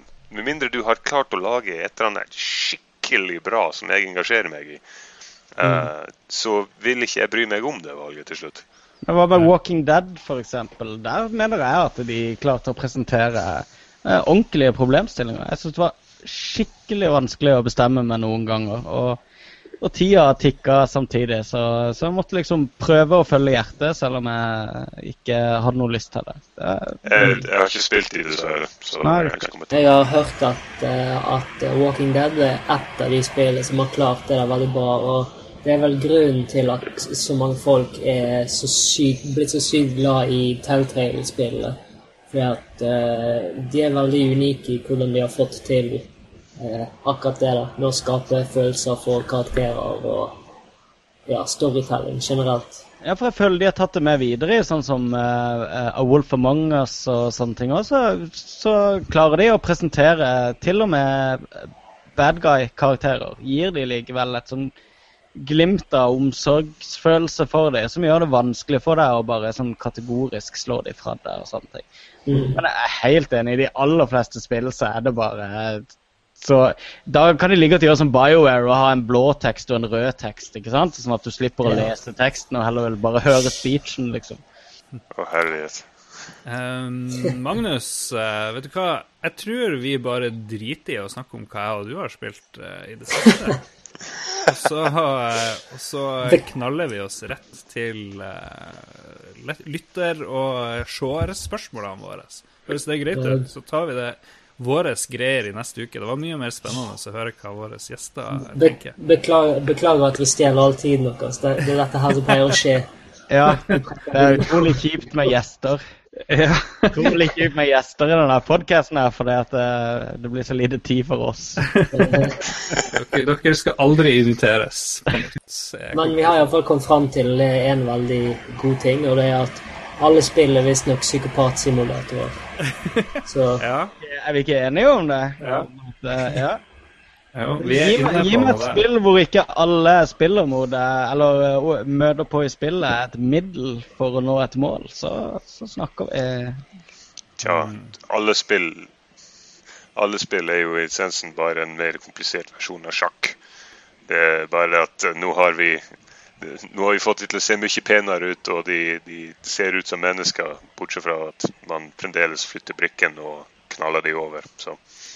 Dessverre har man sånne bakstreverske folk som Magnus Carlsen, som insisterer på å spille sjakk. Ja.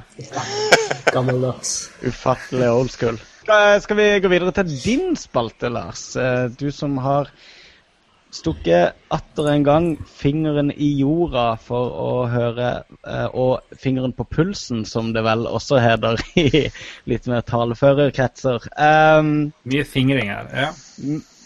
mange fingre i omløp her. Men eh, du har i hvert fall sjekka ut hva communityet rundt Lolbua eh, har lurer på. Og har spørsmål til våre gjester. Yes. Jeg er veldig usikker på om vi har fått med oss absolutt alt denne gangen, men vi tar resten neste gang. Dessverre ikke med Joremi og Simon. Men eh, jeg ba vår eh, ledestjerne Jon Cato komme med noe innspill. Han har vært veldig eh, lokal, da, så han spør om dere savner nærbutikken på Askøy, er det vel?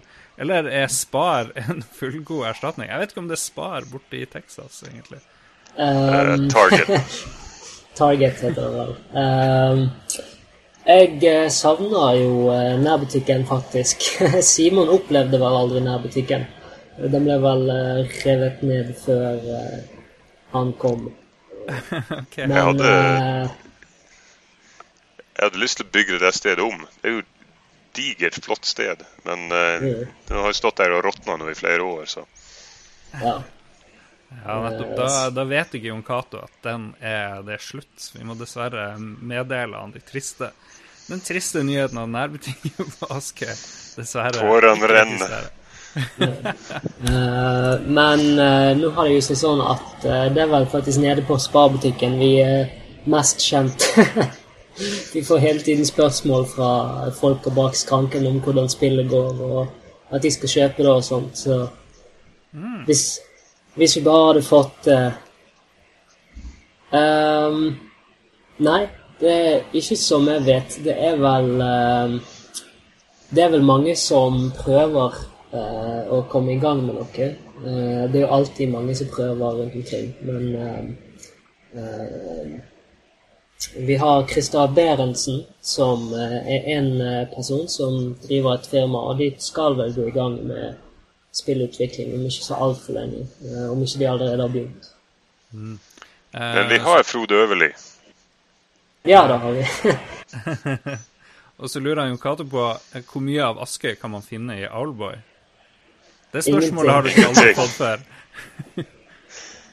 Nei, da, da jeg kom opp med det her Albo-universet, det var ikke basert på noe som helst med Norge å gjøre, eller noe annet. Det var bare hva er artig, og eh, hva er det som er interessant. Det er, ja. Jeg har ikke noen interesse ut av det her med å presse inn norske verdier i spillene. Jeg føler ikke at det, Nei, det var- er interessant. Det var det Innovasjon, vil, eh, Innovasjon Norge vil at vi skulle gjøre. De, eh, vi eh, søkte støtte hos Innovasjon Norge før vi gikk til Filmfondet, og de, de nektet å gi oss støtte fordi at Owlboy så ikke norskt ut. Åssen ser et norsk spill ut? ja, det Josefine spiller kan jeg anta er et godt eksempel.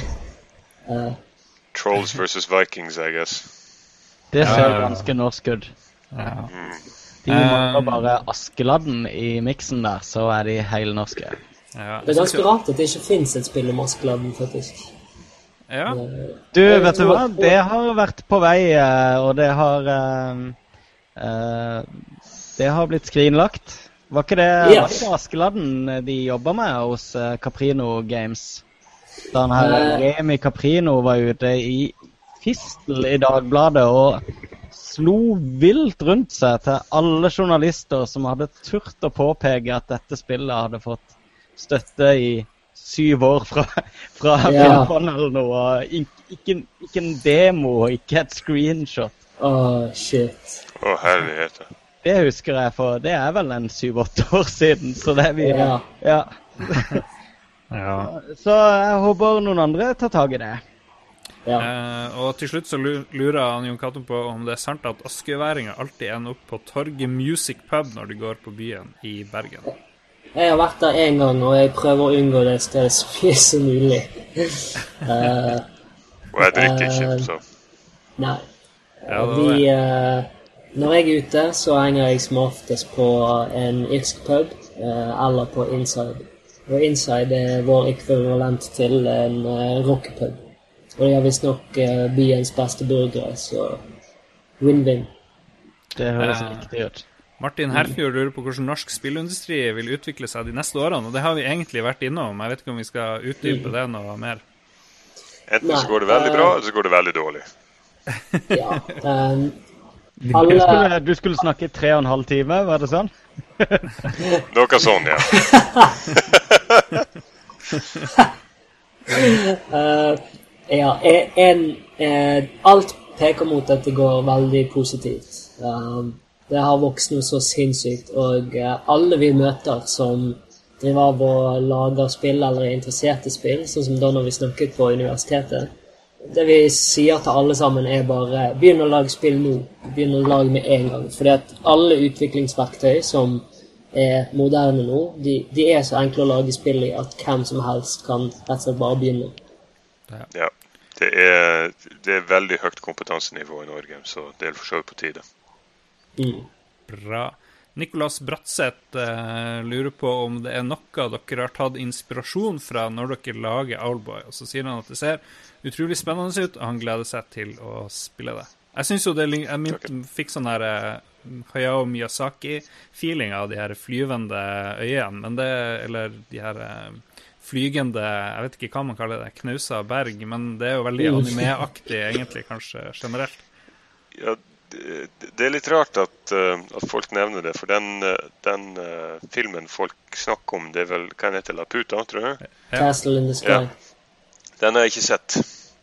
Så eh, eh, det har ikke vært noe Miyazaki-inspirasjon i Alboy, som Sorry to say. Um, inspirasjonen var eh, Jeg ble inspirert av Wien da den kom ut, for du skulle lage en revolusjon. Uh, og dette var før pixel art ble en, en stor greie, så jeg ville lage noe som var pixel art. Og uh, jeg hadde akkurat spilt Kirikarus, som ikke hadde fått remaken sin ennå.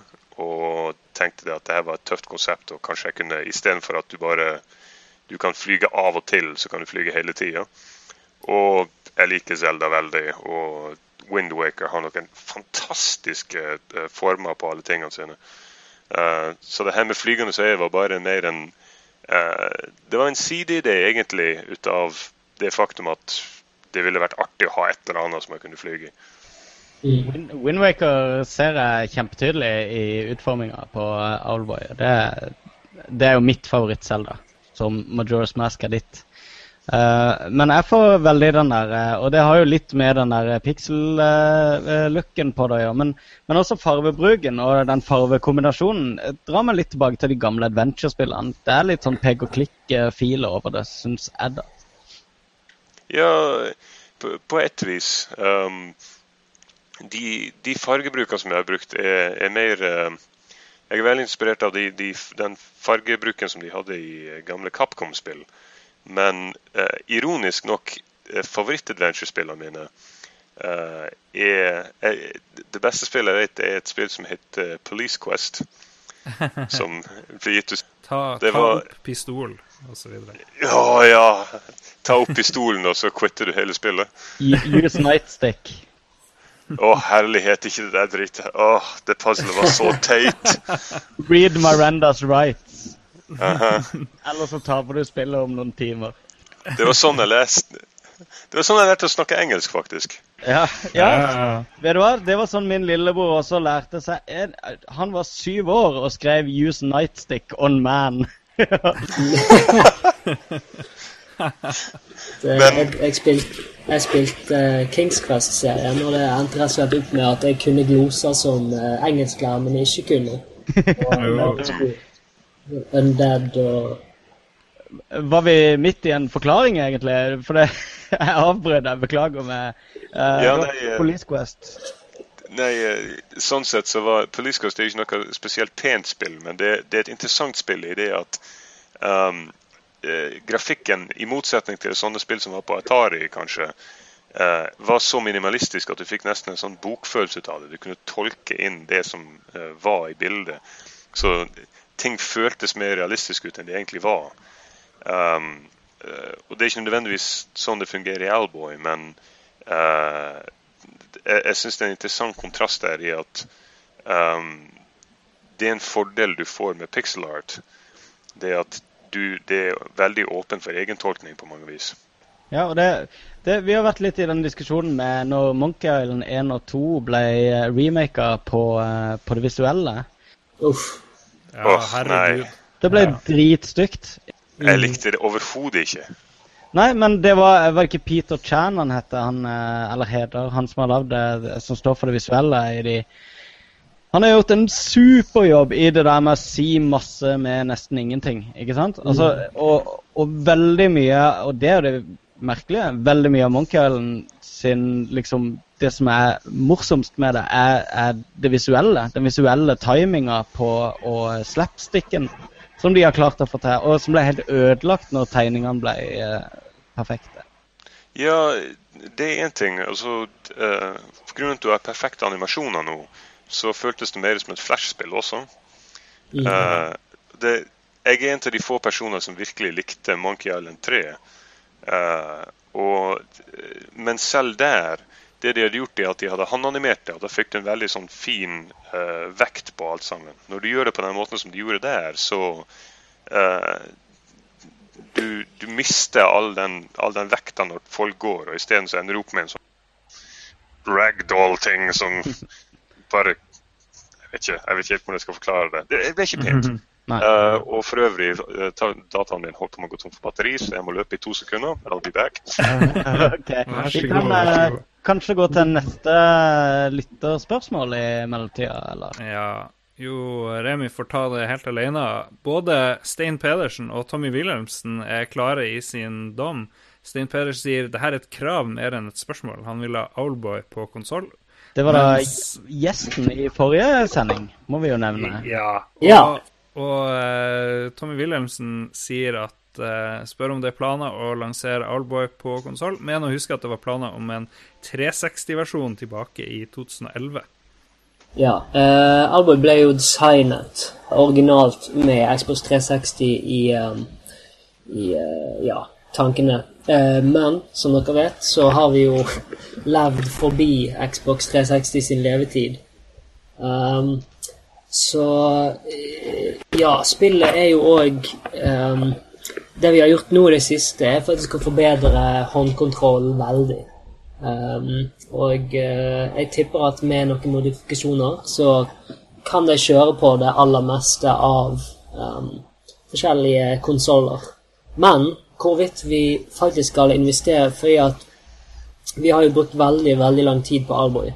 Uh, og det det har gjort, er at vi har så mange ideer som vi helst har lyst til å jobbe med nå. Og hvis vi skal sitte og porte spillet i et halvt år, et år Vi aner jo ikke. Vi, det er jo første gangen vi lanserer et spill av denne størrelsen.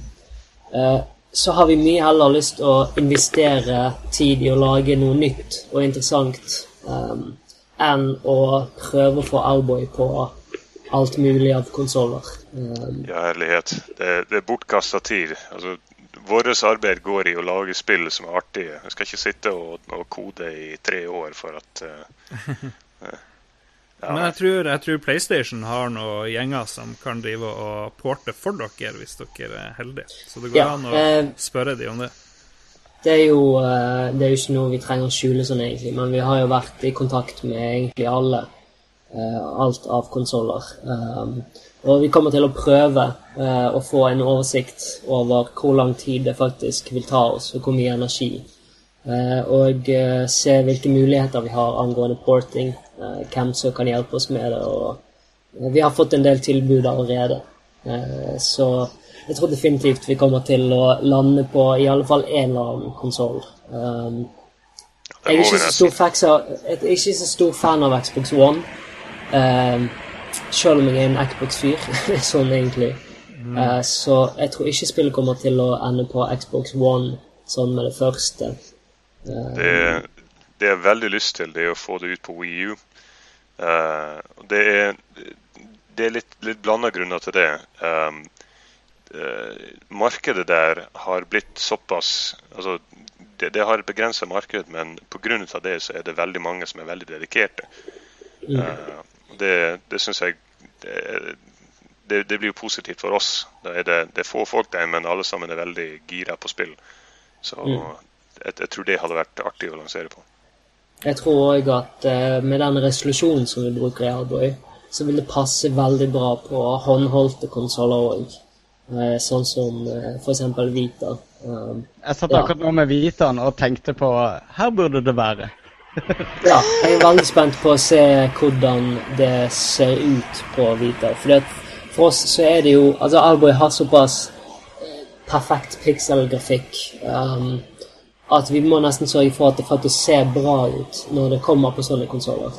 Uh, vi har ikke lyst til å porte spillet, og så ser det ut som som en port. vi vil det skal se ut som om vi har designet spillet for den konsollen.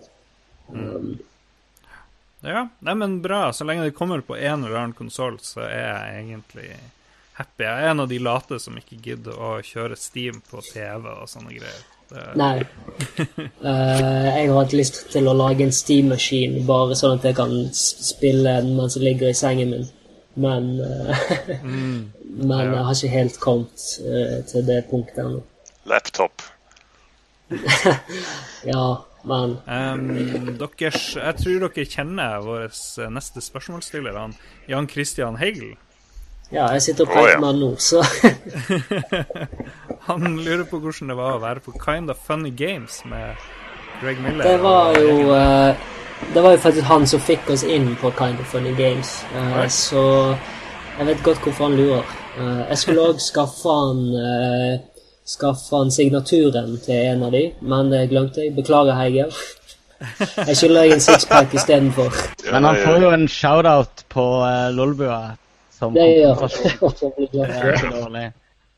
Men det var, det var veldig kjekt. Eh, Det var jo òg første gangen eh, vi eh, livestreamet Alboy. Um, vi har jo hatt en del Let's Plays og sånt som har spilt den gamle demoen uh, som vi ga ut i 2011. Men dette er første gangen vi har vist på internett faktisk gameplay fra, fra Alboy. Og vi, vi satt jo og så på kommentarene etter hvert som de kom inn, og alle kommentarene var i sånn Capslock, hvor kan vi finne dette spillet? Uh, I'm throwing money at my screen, og bla, bla, bla. Um, så det var Ja, det var rett og slett bare uh, veldig gøy å få med seg såpass Ja. mye oppstyr. De var jo veldig det- gira på å få dere med òg, virka det som. Det var vel han Greg Mm. Miller sjøl som hadde satt dere opp på, på Eller jeg vet ikke om det var han som tok avgjørelsen, eller hvordan det var, men eh, de virka veldig imponert, hele gjengen. Mm. Det var kjempegøy. Ja, det var, det, det var jækla artig når eh, For de, de slutta det helt perfekt med at uh, de, de kom seg gjennom hele dungeon, så spilte traileren av samtidig som spørsmålene deres matcha, og det var Å, det var digg! Ja. Um, selvfølgelig. Det ble jo litt balansert ut av at jeg, jeg satt hele tida og, og var redd for at jeg skulle trigge en eller annen bug, for jeg vet at det er noen der. Det er ikke bare Så- én der, det er mange, men eh, Men de klarte ikke å finne det skjulte området der bak noen steiner. Jeg skjønte med en gang hvor det skulle være. Men det... Ja. Eh, Det virket litt som han, eh, han var en Call of Duty-spiller som ble veiledet av uh, han andre som så ut som han hadde spilt Arbor før. Han, det så ut som han hadde visst, visst alt som var inni det. Uh, I tillegg så ga de en shout-out til Alboy på uh, Pax nå for en uke siden, når de satt i et panel, så det virker som de likte det veldig godt. ja. Han uh, Hegel lurer også på om dere traff Shu Yoshida. Shuhei Yoshida, han uh, PlayStation-guden. Det gjorde vi ikke. hvis, eh, hvis det er noen eh, vi har helst lyst til å møte, så blir det nok eh, Shigeru Miyamoto. Ja, vi, vi traff en fyr på, eh, fra Nintendo som eh, eh, Jeg drev og snakka om at ah, det meg imot er hele grunnen til at jeg, jeg begynte å jobbe med spill til å begynne med. Og så sa han ja, vi kan uh, Mens vi snakker om porting, uh, kan ikke, jeg kan arrangere et møte. Ikke kødd med meg med sånt der. Enten så gjør du det. Be still my heart. Skal vi se, Og så har vi også fått et spørsmål via deres egen Facebook-side. Da må vi jo anbefale folk om å finne Dpad på eh, Facebook. Dere er også på eh, Twitter, og det er veldig lett å finne det. Bare å søke på Ja. Dpad eh, Studio, egentlig. Uh, Det er uten bindestrek, er det ikke det? Uten bindestrek. ja. Ja, uten bindestrek. Dpad Studio uten bindestrek. Og der er det han Karim Shanti som lurer på hva dere skal lage etter eh, Alboy? Det er kanskje et spørsmål dere enten vil høre eller veldig ikke vil høre akkurat nå. Det vi vil at folk skal vite, er jo at vi har masse å jobbe med etter Alboy. Ja. Det er, vi er ikke et sånt uh, one hit wonder-studio. Vi har vi sitter bare og Vi må få Alboy ut, så vi kan jobbe på alle de andre tingene. Jeg har allerede laget mockup for en av de nye, nye prosjektene vi har. Jeg vil bare begynne å implementere helsike også.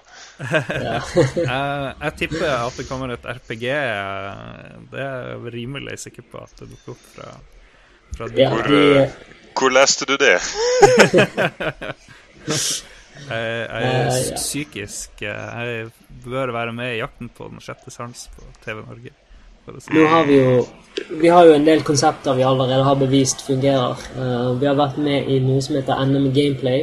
Det første året uh, når det ble arrangert, så hadde vi faktisk tid til å være med. Og vi eh, satte oss ned og designet vel et par spill da. Så vi endte opp med et spill som heter Possession, som rett og slett handler om spøkelser som driver av og overtar mennesker. eh, og man skal løpe fram og tilbake og stjele gull fra forskjellige hvelv og sånt. Um, som var et ganske artig konsept, men som vi aldri har jobbet noe videre med.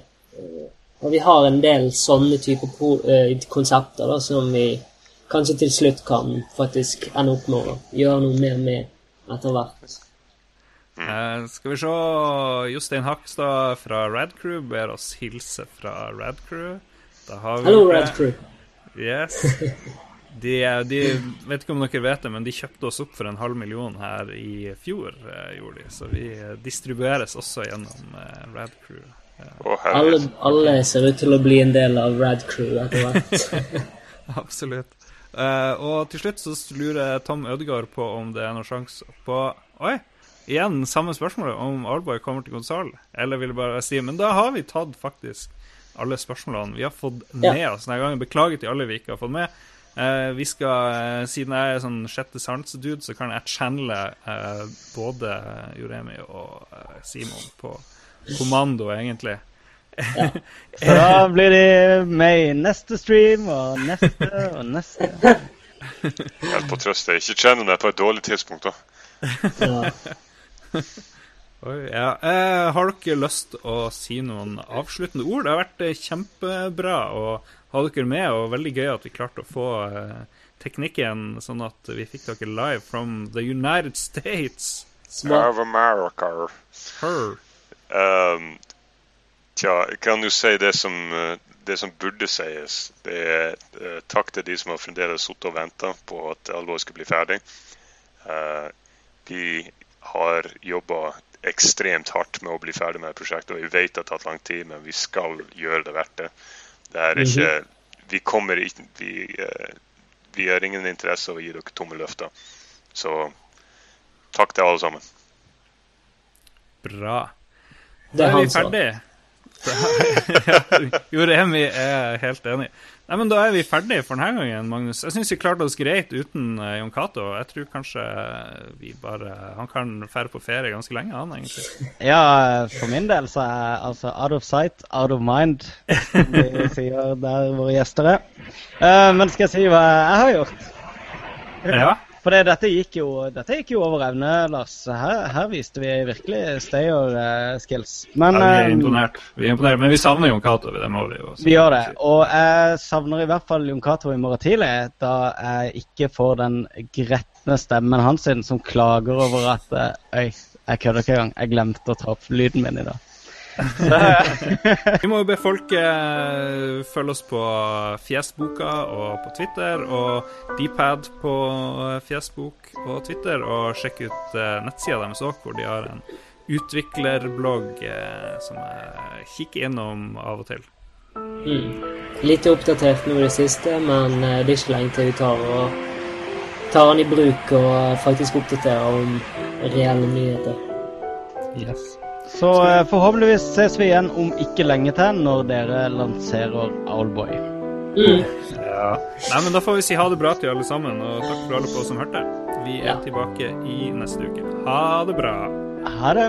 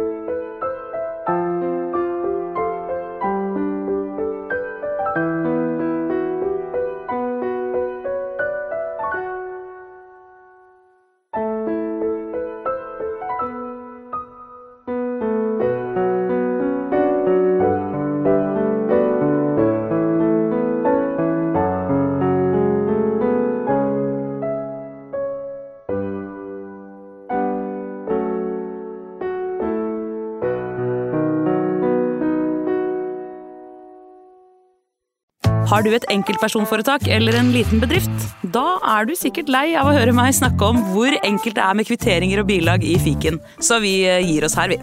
Fordi vi liker enkelt. Fiken superenkelt regnskap.